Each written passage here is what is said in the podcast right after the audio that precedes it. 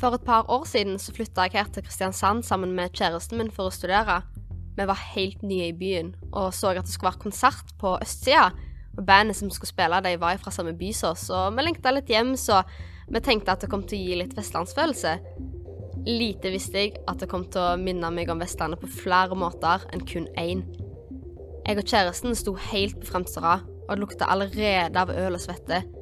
Plutselig så kjente jeg at noen pressa på skuldra mi, så jeg snudde meg, og der så jeg et bakhode med halvlangt lyseblondt hår som jeg hadde kjent igjen hvor som helst. Det var bakhodet til den personen jeg hadde forventa minst å se der den dagen. Eksen min sitt. Eksen min sto med ryggen til meg og basically lente seg på meg. Og jeg var helt sikker på at han hadde sett at jeg og typen sto der, for han gjorde så sykt mye ut av seg, og som sagt lente seg over meg. Men han hadde òg ny kjæreste, så han sto på skrått for å kunne snakke med hun, og sto derfor med ryggen litt til meg, så jeg fikk ikke sagt noe til han.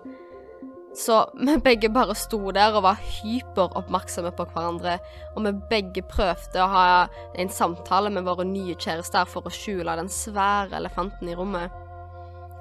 Så etter det som føltes ut som en evighet, så sa jeg venninnene hans at de ikke gidda stå der framme lenger, og at de skulle gå for å kjøpe noen pils, så han og den nye dama ble med, og noen andre tok plassen deres.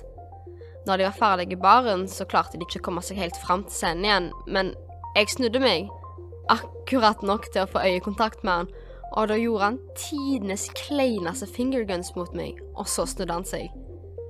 Han så nesten helt lik ut som han gjorde for fire år siden. Eneste forskjell var at han hadde fått seg briller. Da tenkte jeg på hvor sykt rart det er når en kjæreste blir til en eks. For dere er ikke bare kjærester, dere er bestevenner og kjenner hverandres djupeste hemmeligheter.